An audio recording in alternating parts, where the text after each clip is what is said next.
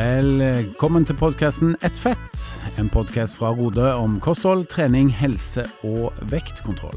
Mitt navn er Henning Holm, og jeg gleder meg til å ta deg med på en reise gjennom livsstilsendringens verden med aktuelle gjester. Da ønsker vi velkommen til en ny episode av podkasten Ett fett. Og eh, Henning heter jeg, er på plass eh, som vanlig. Har med meg min faste følgesvenn, som du har eh, egentlig proklamert deg selv som i det første episoden av Halvor. Velkommen. Ja, takk for det, Henning. Eller som du sjøl kaller det, Henning. Helt riktig. Du, vi har jo fått veldig mye gode, gode tilbakemeldinger på de første episodene. Det er vi takknemlige for. Og jeg legger merke til spesielt at mange synes da at uh, dette faktum, rett og slett, med at vi to ikke er så flinke på å få oss nok grønnsaker, det er noe som vi ja, engasjerer mange. Det engasjerer mange, heldigvis, og det skulle bare mangle, for vi må jo skjerpe oss, Henning. Nei, det er ikke godt nok. Det holder ikke i det hele tatt. Så vi, og apropos det, vi har jo fått feedback da i den Facebook-gruppa som heter Et fett. Mm. Der har vi fått en del eh, kommentarer på det, som, både på tips vi kan gjøre for å skjerpe oss i grønnsakveien, og ikke minst for å få større grønnsakglede. Yes. Har du fått det ennå, Henning? Grønnsaksglede, det er egentlig et nytt begrep for meg. Eh, men det som jeg har gjort, da, hvis vi skal eh, ja, bli helt ja, konkrete Du tenkte på gulrot når jeg sa grønnsaksglede? Nei, jeg tenkte mer på matinntak, ja. Mm. Okay. Mm. ja. Eh, jeg har eh, spist mye mer grønnsaker til lunsj. Eh, fordi at vi sitter jo da på Allerbygget borte på Hasle her i Oslo og har en ganske fin lunsjbuffé, og der er det masse gode grønnsaker. Så jeg tar egentlig benytter meg av den anledningen og spiser litt mer grønnsaker på, på lunsjen. Jeg må jo si Som ansatt i Rode så vil jeg si at vi opplever et positivt eh, gruppepress, et såkalt helsepress på det her med grønnsaker, så vi skjerper oss jo litt i lunsjen. Men jeg vil jo påstå at jeg har tatt et eh, gigantsteg i mitt liv også når det gjelder tacogrønnsaker. Okay. For i og med at jeg da har skjønt at jeg er så dårlig at jeg må rett og slett ta meg i akt, så har jeg nå inkludert også grønnsaken agurk til det som skal pryde min taco på fredag. Så jeg, jeg testa det ut i går, og i går, for de som ikke vet det, det var da en onsdag. Da var jeg litt sånn eh, dårlig form, så eh, jeg lagde meg taco for å spise noe som jeg faktisk hadde lyst på. og Da introduserte jeg grøn, eh, grønnsaken agurk i tillegg til det jeg vanligvis har, nemlig løk, paprika og ruccolasalat. Så nå har jeg fire grønnsaker på tacoen. Yes, det men, er en økning på en tredjedel. Huh. Men eh, hvordan smakte det, da? Altså, var det like godt, eller var det bedre?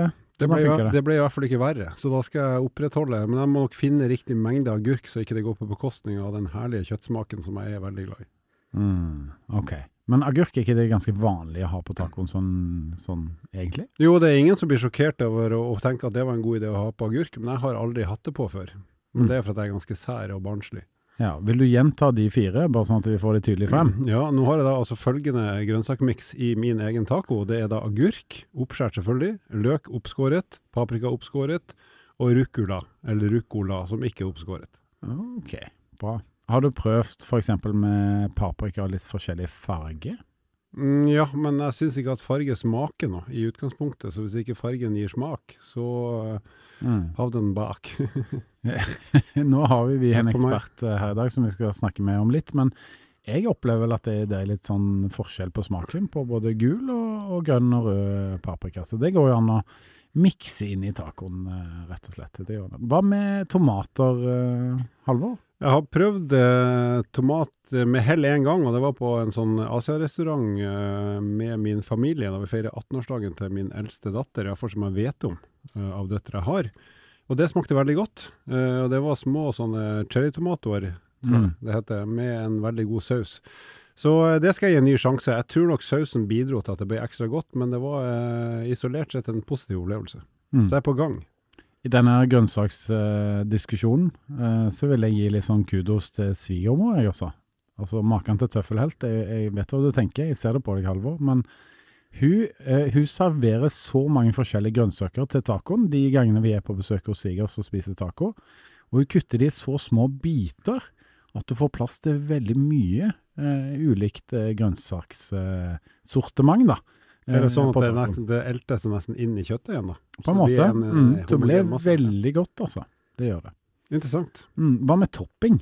Eh, vi er jo ja, relativt sunne begge to. Hvilken topping kjører du på? Er det liksom kesam, er det rømme, er det dressing? Er det... Ost under, ost oppå. Ja, så ingen form for ketsjup eller Nei, nei, nei, nei. Det er bare ost. Ja, og guacamole? Nei, nei, nei. Nei. Bare ost. Ja. En purist.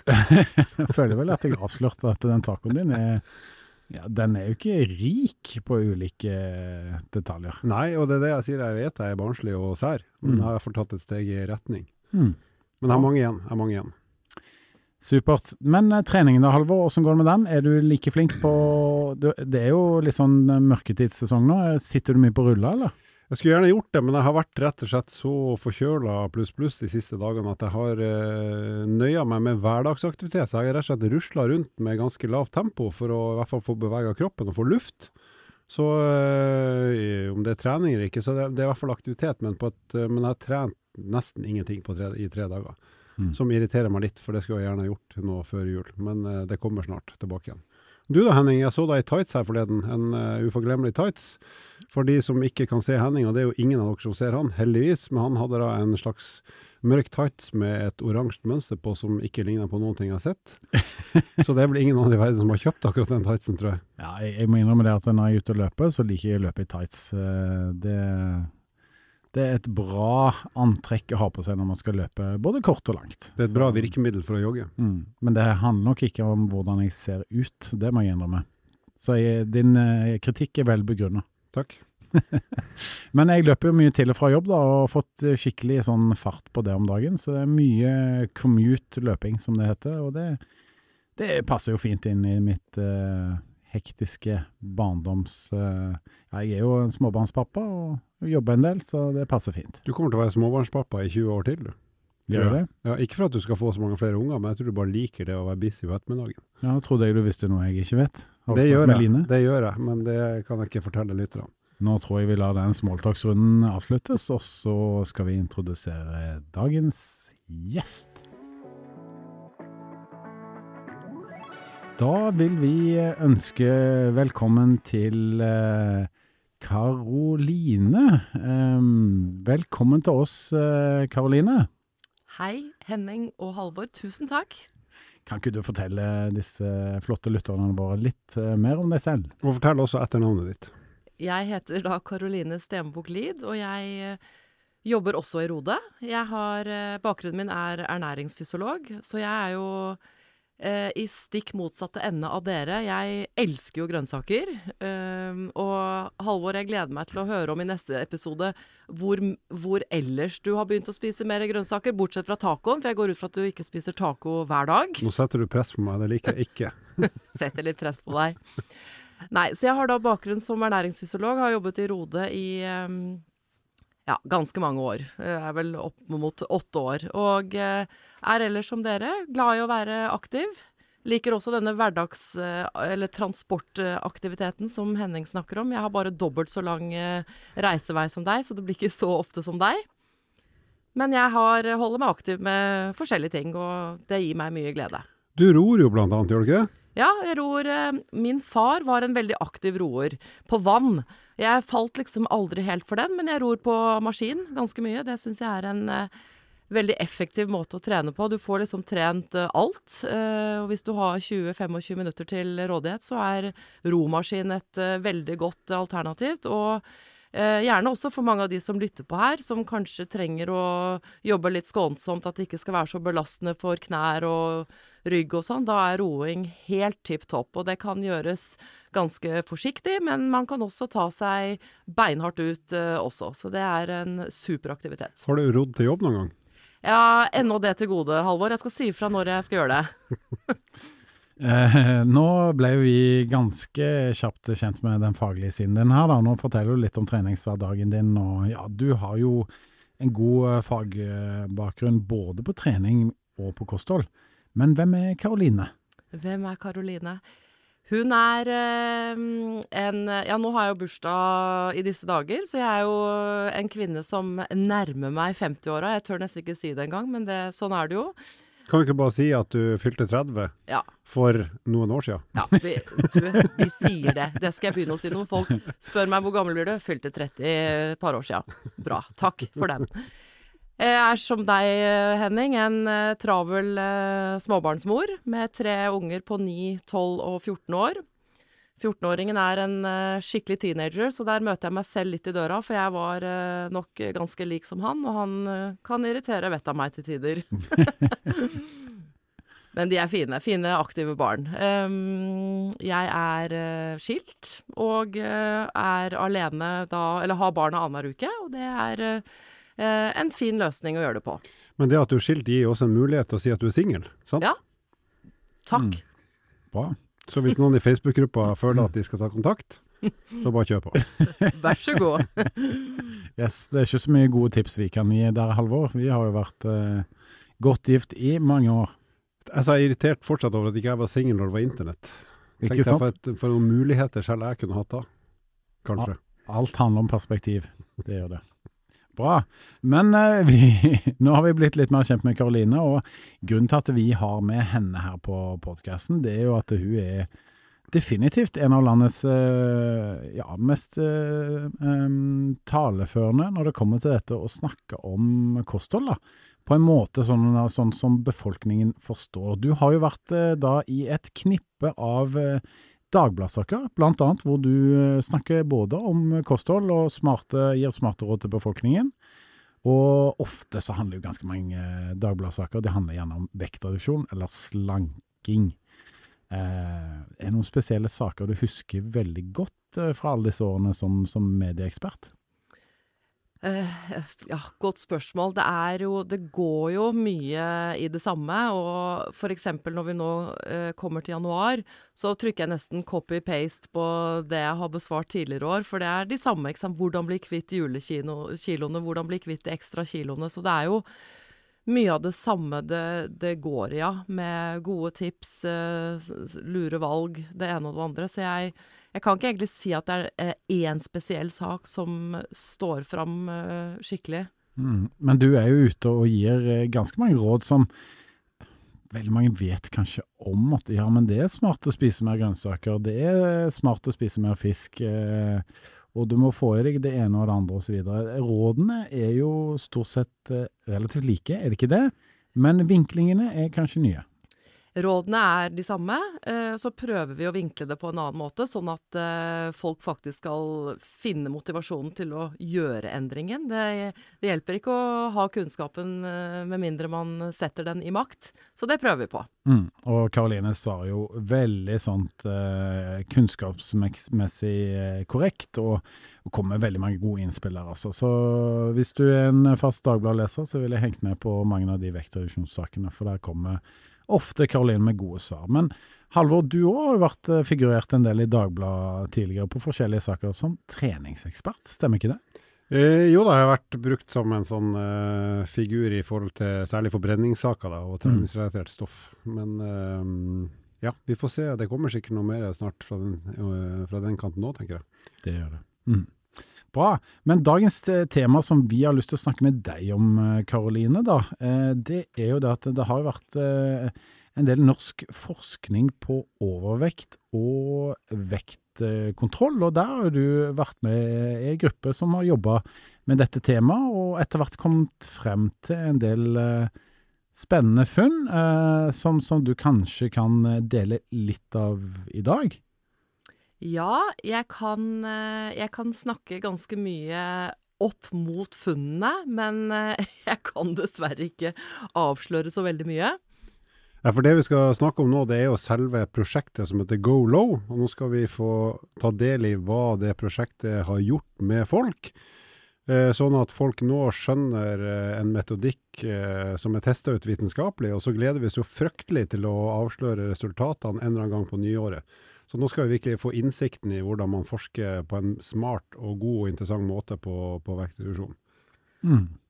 Og kan du fortelle litt om dette prosjektet, Karoline? Ja. Det som er litt spennende med dette prosjektet her, er jo at det er eh, første gang, eh, eller en av de første gangene, en, altså en kommersiell aktør som oss eh, går sammen med et sykehus, altså et, et kunnskaps, fagkunnskapsmiljø, for å, å gjøre en studie.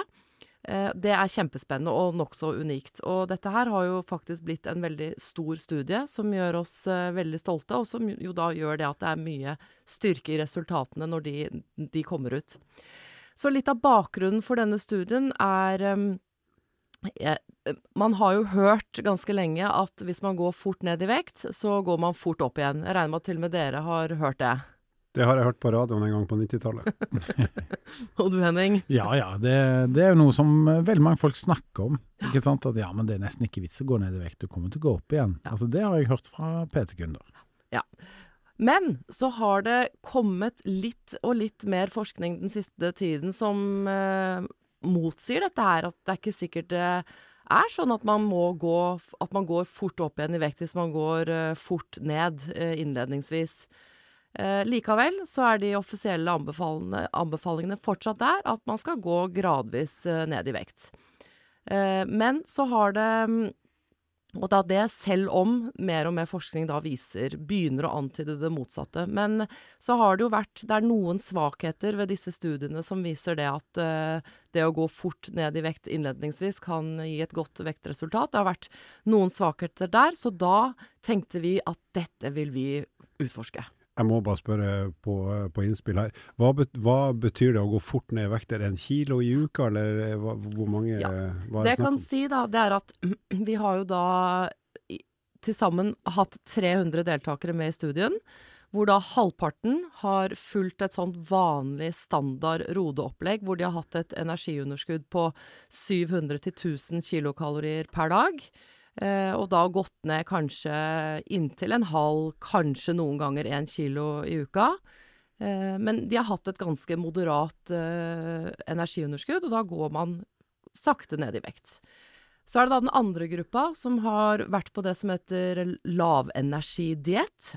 Da går man litt mer drastisk til verks og har da spiser man kun 1000 kilokalorier per dag. Det er ikke et kaloriunderskudd, energiunderskudd på 1000. Man spiser 1000 kalorier eh, per dag. Og dere sitter jo her og måper og ser lett Hvordan hadde det gått, gutter? ja, Det hadde blitt tøft, Halvor. Det er vel eh, omtrent tre av dine tacolefser. Eh, tre og en halv, kanskje? Uten ost? Ja, ja uten ost, og med mm. kanskje enda mer agurk. da. Nei, det høres For min del hadde nok det vært tøft, ja. Det må jeg innrømme. Jeg tror jeg hadde vært ganske sur og muggen en stund der. Ja. Ikke sant. Men det som er eh, det fascinerende, er at 1000 kilokalorier er faktisk mye mer mat enn man tror. Jeg har jo testet, jeg testet dette selv en uke, bare for å vite hva, det er vi, hva vi driver med her. Og jeg kan jo bare dra dere gjennom en dag da, med 1000 kilokalorier. Og da kan du starte dagen med et par knekkebrød med noe magert pålegg. Og så må du holde deg gående til lunsj og ta et par knekkebrød til med litt magert pålegg. Denne lavenergidietten er jo ofte kalt for knekkebrøddietten også. Det er rett og slett fordi at med å spise knekkebrød med mye knekkebrød med magert pålegg, så er det veldig lett å holde tellingen på kaloriene, da.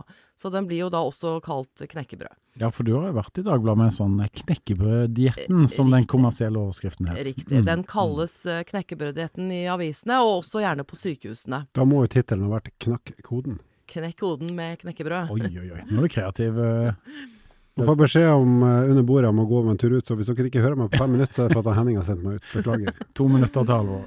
Men hvor var vi nå? Jo, vi var kommet forbi lunsjen, knekkebrødlunsjen. Og så kan man jo da kline til med et mellommåltid mellom lunsj og middag, som kan være mm, Når vi drev og testet ut dette her på jobben, så var det noen som kom med to valnøtter og en halv tørket aprikos. Det hadde vært noe.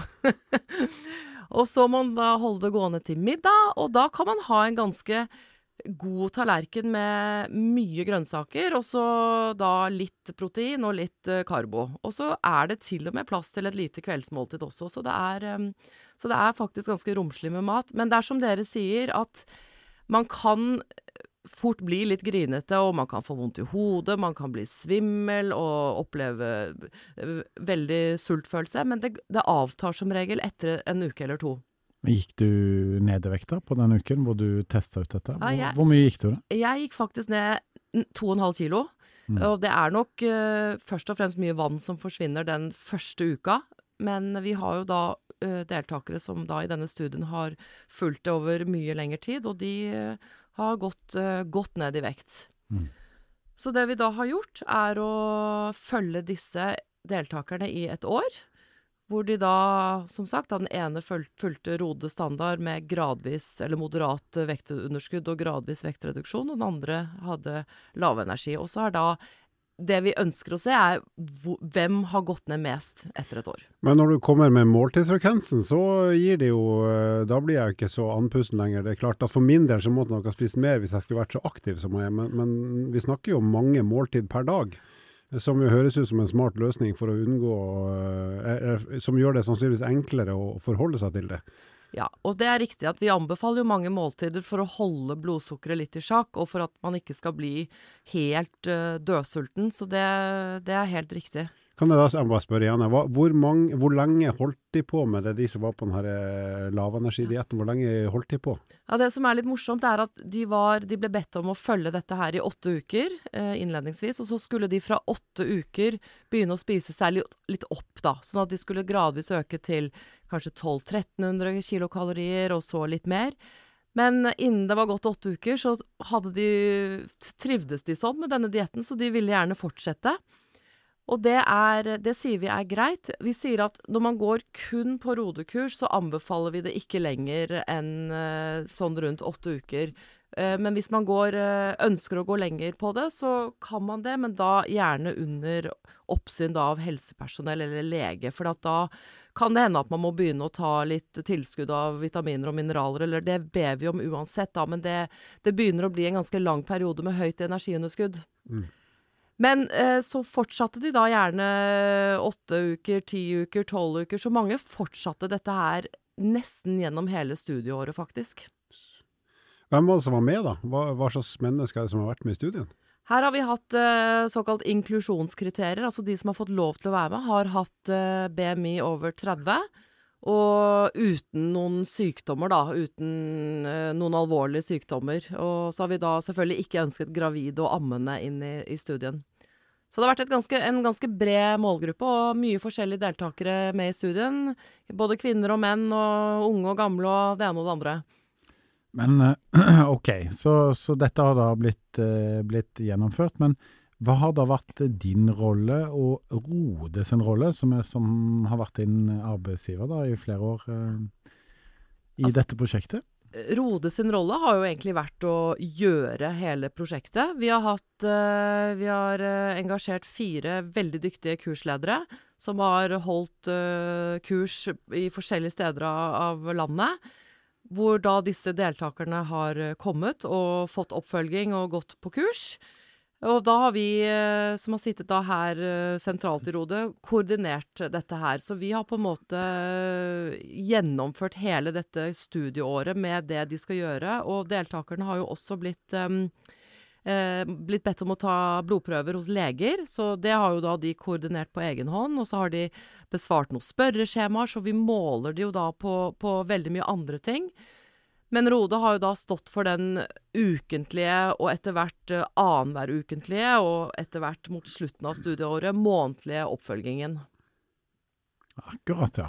Og så har vi da fra sykehuset, eller de fra sykehuset og vi fra Rode, innimellom møtt opp på disse møtene hvor de har vært, for å ta noen ekstra målinger. Så vi har liksom fem eh, målinger gjennom dette studieåret hvor vi har målt de, sånn at vi da ser endringen eh, underveis. Og Hva slags målinger er dere har gjort da for å følge opp hvordan det går med folk?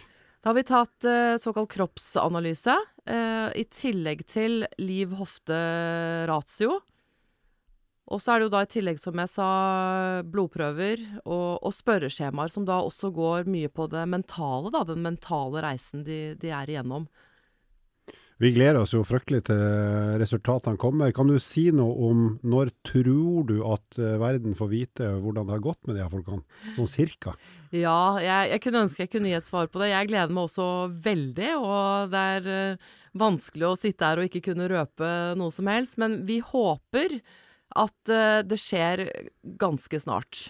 Og Grunnen til at det ikke skjer akkurat nå, det er jo for at det her er forskning som skal da skrives på en ordentlig måte, sånn at eh, forskere rundt om i hele verden kan forstå eksakt hva som er gjort, hvordan ting er testa og målt, og, og, ikke minst hvilke resultater det er. og Det må jo da presenteres på en, på en, saklig og forskningsmessig god måte. og Det tar litt mer enn et kvarter å sette sammen det. Så det er litt mer enn en sånn nettartikkel som skal skrives før det kan uh, offentliggjøres. Ja, Det er helt riktig, Alvor. Det har jo tatt veldig lang tid å analysere dataene, rydde dataene, analysere de, og så skal det da skrives en forskningsartikkel, og den skal man da sende inn til masse forskjellige tidsskrifter, og så er det forhåpentligvis da en som tar den inn etter hvert.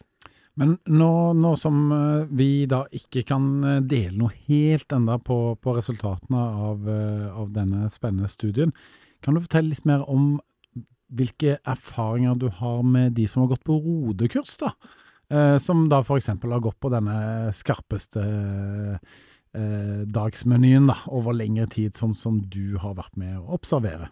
Det jeg kan si, er at uh, det er jo en veldig effektiv uh, metode for å for, Eller få en kickstart, da. Det er jo det er gjerne det vi kaller det, en kickstart for å sette i gang vekstreduksjonen. Det er jo veldig mange som blir veldig motivert av nettopp det å gå på vekta og se å, jeg har gått ned én, kanskje to kilo på en uke. ikke sant? Det gir deg en sånn skikkelig kickstart. Så vi har veldig mange som har en veldig god opplevelse av dette her. Men jeg vil legge til at det er ikke for hvem som helsten. Eh, og det er jo derfor vi har forskjellige hva skal jeg si, produkter å tilby Rode. Vi har dette her med, med moderat energiunderskudd, som kan, kanskje passer bedre til noen som er, er, mye ute, mye sosial spising med jobben, som kanskje har småbarn. Jeg er personlig veldig opptatt av det å være en god rollemodell foran uh, sine egne barn. Og det hvis mor skal sitte der og spise veldig lite, uh, så er man kanskje ikke nødvendigvis en veldig god rollemodell. Så det, det har med hele livssituasjonen å gjøre. Hvis du er en person som Halvor, som hadde gått helt i kjelleren av å bli sulten og blitt veldig sinna. Kanskje ikke det helt hadde vært riktig metode? Nei, du så veldig stygt på meg, eller hardt på meg, når du snakker om rollemodell og mat. Så tenkte jeg oi, shit, jeg må Det er klart jeg er vel ikke verdens beste rollemodell når det gjelder grønnsakinntak, eh, begynte jeg å tenke på nå. Det, du har mye annet å gå på da? Jo, jo, men nå må jeg faktisk skjerpe meg sånn ordentlig. Det her må jeg ta seriøst. Men jeg må spørre litt om Nå har vi snakka mye om mat.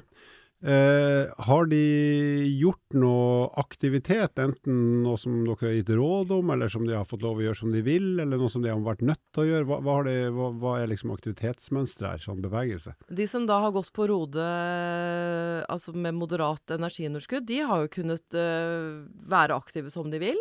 Eh, vi opplever jo det selvfølgelig at veldig mange som kommer til oss med BMI over 30, de, de, det er litt u, ulik grad av aktivitet de er i, men vi har bedt dem om å fortsette der de er, eller øke aktivitetsnivået sitt. Når det gjelder da denne kickstart lavenergigruppa, så har vi bedt dem om i starten å ikke være så aktive. Man kan gå turer. Men så at de da kan kjenne litt på hva dette heavy energiunderskuddet gjør med dem, da. At det er ikke da man skal legge opp til å eh, løpe et halvmaraton eller sitte på sykkelrulla, som du pleier å gjøre, Halvor, i, i, to timer. Det er ikke helt riktig timing. Ja, Det høres jo smart ut. Vi snakker jo mye om hvordan man skal legge om livsstilen, eller justere livsstilen, som Hans Erik har lært oss. Så er det jo lurt å ikke begynne med alle ting samtidig. Så hvis du gjør såpass dramatisk grep med kosthold, så er det kanskje lurt å ikke begynne å tenke at du skal gjøre masse bevegelse eller aktivitet i tillegg, som du ikke har gjort før. Det høres ut som et uh, fornuftig valg. Du, navnet Go Low.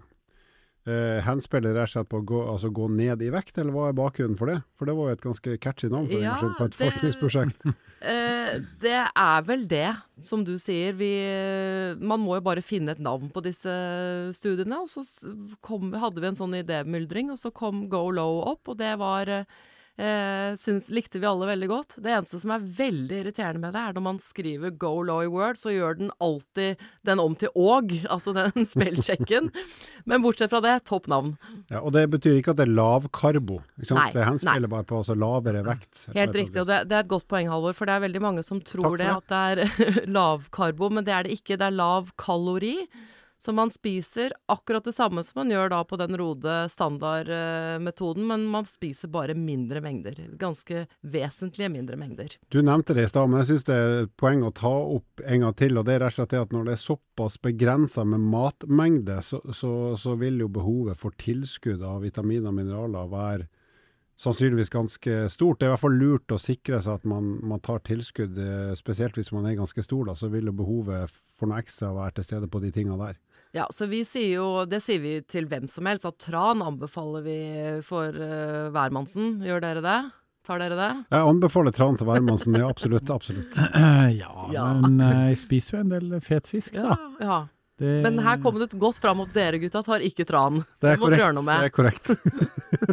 jeg, jeg har vel gjort det til tider. Ja, det, men det er litt sånn Ja, Sandasol. Fins den? eller? Jo, den finnes. Den står i kjøleskapet mitt, faktisk. Det er jo appelsinjuice, det er jo kjempegodt. Den Ja. er ikke god. Nei, Men men vet du hva, jeg må bare si jeg får så vondt i magen når jeg tar den. Hvor mye Eh, drikker du da? Nei, altså det er ikke mye, men når jeg gjør det, det, det funker rett og slett ikke. Men Hen- Henning han tar et drammeglass hver dag. skal du ikke ta halve flaske? En halv flaske om dagen. Ja, bra. Var det jeg som fikk to minutter nå? Jeg tror du skal nesten gå ut nå, Henning. Nå sitter jeg aleine her snart, da. Ja, men fra spøk til alvor, så, eller fra spøk til halvor, eh, så må jeg si at eh, jeg tar tran så lenge glasset inneholder kapsler. Og så er jeg ikke så flink til å gjøre innkjøp. Det må jeg innrømme. Altså. Du vet at den kapselen er stikkpille, Henning? Du skal, ikke, du skal ikke drikke den. Nå sitter du snart igjen alene her. Ja, nå sitter jeg. Men da skal jeg fortsette der jeg var, da. Og det er jo det at vi anbefaler en trankapsel. Nå ble det helt feil å si, men i hvert fall en gang om dagen. Eller at man har et eh, traninntak hver dag. Inntak av omega-3. Eh, og gjerne også en multivitamin-mineraltablett. Og det gjelder jo egentlig både de som er på, på Rode og spiser ganske lavt, de også. Mm. Men tenker du da når hvis man spiser f.eks. Ja, ma- makrell i tomat et par ganger i uka til lunsj, og man spiser en laksemiddag, da, trenger man fortsatt det tilskuddet? Eh, det kommer an på selvfølgelig hvis du kan dekke ditt behov eh, for omega-3 gjennom kostholdet, men for de aller fleste så er det umulig. Vi nordmenn er utrolig dårlige på å spise fisk, så jeg vil egentlig si der at eh, jeg anbefaler alle å ta det likevel. Ja, for det, det har jo vært min unnskyldning, da. For det, nå fremstår vi litt sånn, og vi tøyser mye med oss selv, vi, har, vi er ganske selvironiske, men Vi har lært det på kurs. Men jeg har hatt en tanke om at hvis jeg da spiser nok fet fisk, så trenger jeg ikke det tilskuddet, ikke sant. Så og det er sikkert mange som har tenkt det av Men. Henning, jeg har ikke sett deg spise makrell i tomat én gang denne uka, og nå, nå er det torsdag. Ikke så heller, jeg tror dette her er en unnskyldning du bruker. Hva betyr dette? Ble jeg overvåka? Eller skal du spise alt dette i helgen? Ja, ja, ja. Du er utsatt for helsepress. Men uh, det betyr også at mitt tacobaserte uh, måltidsmønster er heller ikke egnet til å få i meg nok omega-3. Nei, der sliter du ganske betraktelig, vil jeg si. Laksetaco, Halvor. Kanskje det er det nye? Vet du, det er faktisk veldig godt. Halvor oppfordrer deg til å teste ut det til neste gang. Jeg skal begynne med en grønnsak til først, takk. Veldig bra. Men eh, eh, nå er det jo sånn at eh, selv om resultatene ikke er klare, så eh, opplever vi vel at det er en del interesse eh, rundt den studien her, og vi gleder oss til resultatene kommer. Men det, det er jo interessant for hele mm. verden, det er jo ikke bare i Norge. Det er jo Ja. mange land som venter Ja. på det her. Altså. Ja. Absolutt, for det er jo som jeg sa, at uh, det har begynt å komme studier som har vist at uh, det å gå fort ned i vekt innledningsvis kan gi gode resultater. Men det er ingen som har på en måte kommet med et uh, endelig svar ennå. Så det vet vi nå, at dette her vekker internasjonal oppsikt. Så det er kjempespennende at vi har fått lov til å være med på. Og når resultatene foreligger, da skal vi være de første til å få lov til å snakke med Karoline igjen. Skal vi Kanskje det, ja, da kanskje det er så interessant for resten av verden at vi tar det på engelsk. Det kan vi godt gjøre. Eller tysk, som du jo snakker. Jeg tar gjerne det på østtysk hvis det går bra. Absolutt. Veldig bra. Nei, men Tusen takk, eh, Karoline. Du er jo en, en type gjest som vi kommer til å ha både støtt og stadig her inne på podkasten. For å, å, å lære oss enda mer om ernæring. Så tusen takk for at du ville komme. Og er det sånn at dere har noen spørsmål til Karoline i kommende episoder, vær så snill, finn frem eh, til Facebook-gruppa vår Ett fett podkast, som eh, finnes da på Facebook. Eh, og der kan du også stille spørsmål til Karoline. Gjerne litt mer faglig eh, tung art, for det, det kan hun svare på. Ja, og ellers hvordan singellivet forløper, og roing til og fra jobb osv. osv. Jeg kan svare på alt. Ok, da er forventningslista satt. Det er på tide med dagens eh, fun fact, eh, unge herr eh, Laustad. Eh, da er lytterne dine. Ja, kjære lytter og kjære panel, Henning og Karoline. Eh, siden vi snakker jo sånn innimellom om trening, og hjertet er jo viktig enten du trener eller ei, så jeg har sittet og regna litt på hvor mange ganger hjertet ditt kommer til å slå hvis du lever til du er i hvert fall godt voksen. Eh, Jeg syns det er litt artig å, å, å tenke på at det tallet blir ganske stort. Hvis vi sier at pulsen slår en sånn 60-70-80 slag i minuttet når du er sånn normalt uh, inaktiv. Så hvis du da tenker at du har et normalt liv og lever til du er 70, så kommer ditt hjerte til å slå ca. 2,5 milliarder ganger. Og Det er såpass stort tall at jeg tenker at det tallet i seg sjøl bør få oss til å skjønne at vi må gjøre litt for å ta vare på det hjertet som skal hjelpe oss gjennom et liv som kanskje til og med er lenger enn 70, uten at jeg har planlagt så langt. Men eh, pass på hjertet ditt. Eh, ta i litt i noen motbakker og bli litt andpusten av og til, sånn at det kan slå minst 2,5 milliard ganger før du eh, avslutter. Og laksetaco. Laks er bra for hjertet. Stemmer det. Laksetaco og litt eh, rask gang i motbakke. Henning? Vet du hva, disse tipsene var så gode at jeg syns de fortjener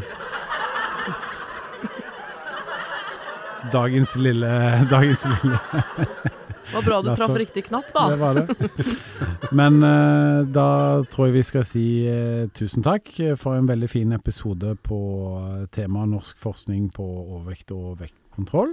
Og så uh, tror jeg at vi skal si velkommen til Karoline igjen veldig snart. Og si eh, takk for i dag, og oppfordre til eh, like mye grønnsaksspising og god aktivitet som meg og Halvor prøver å implementere i det daglige.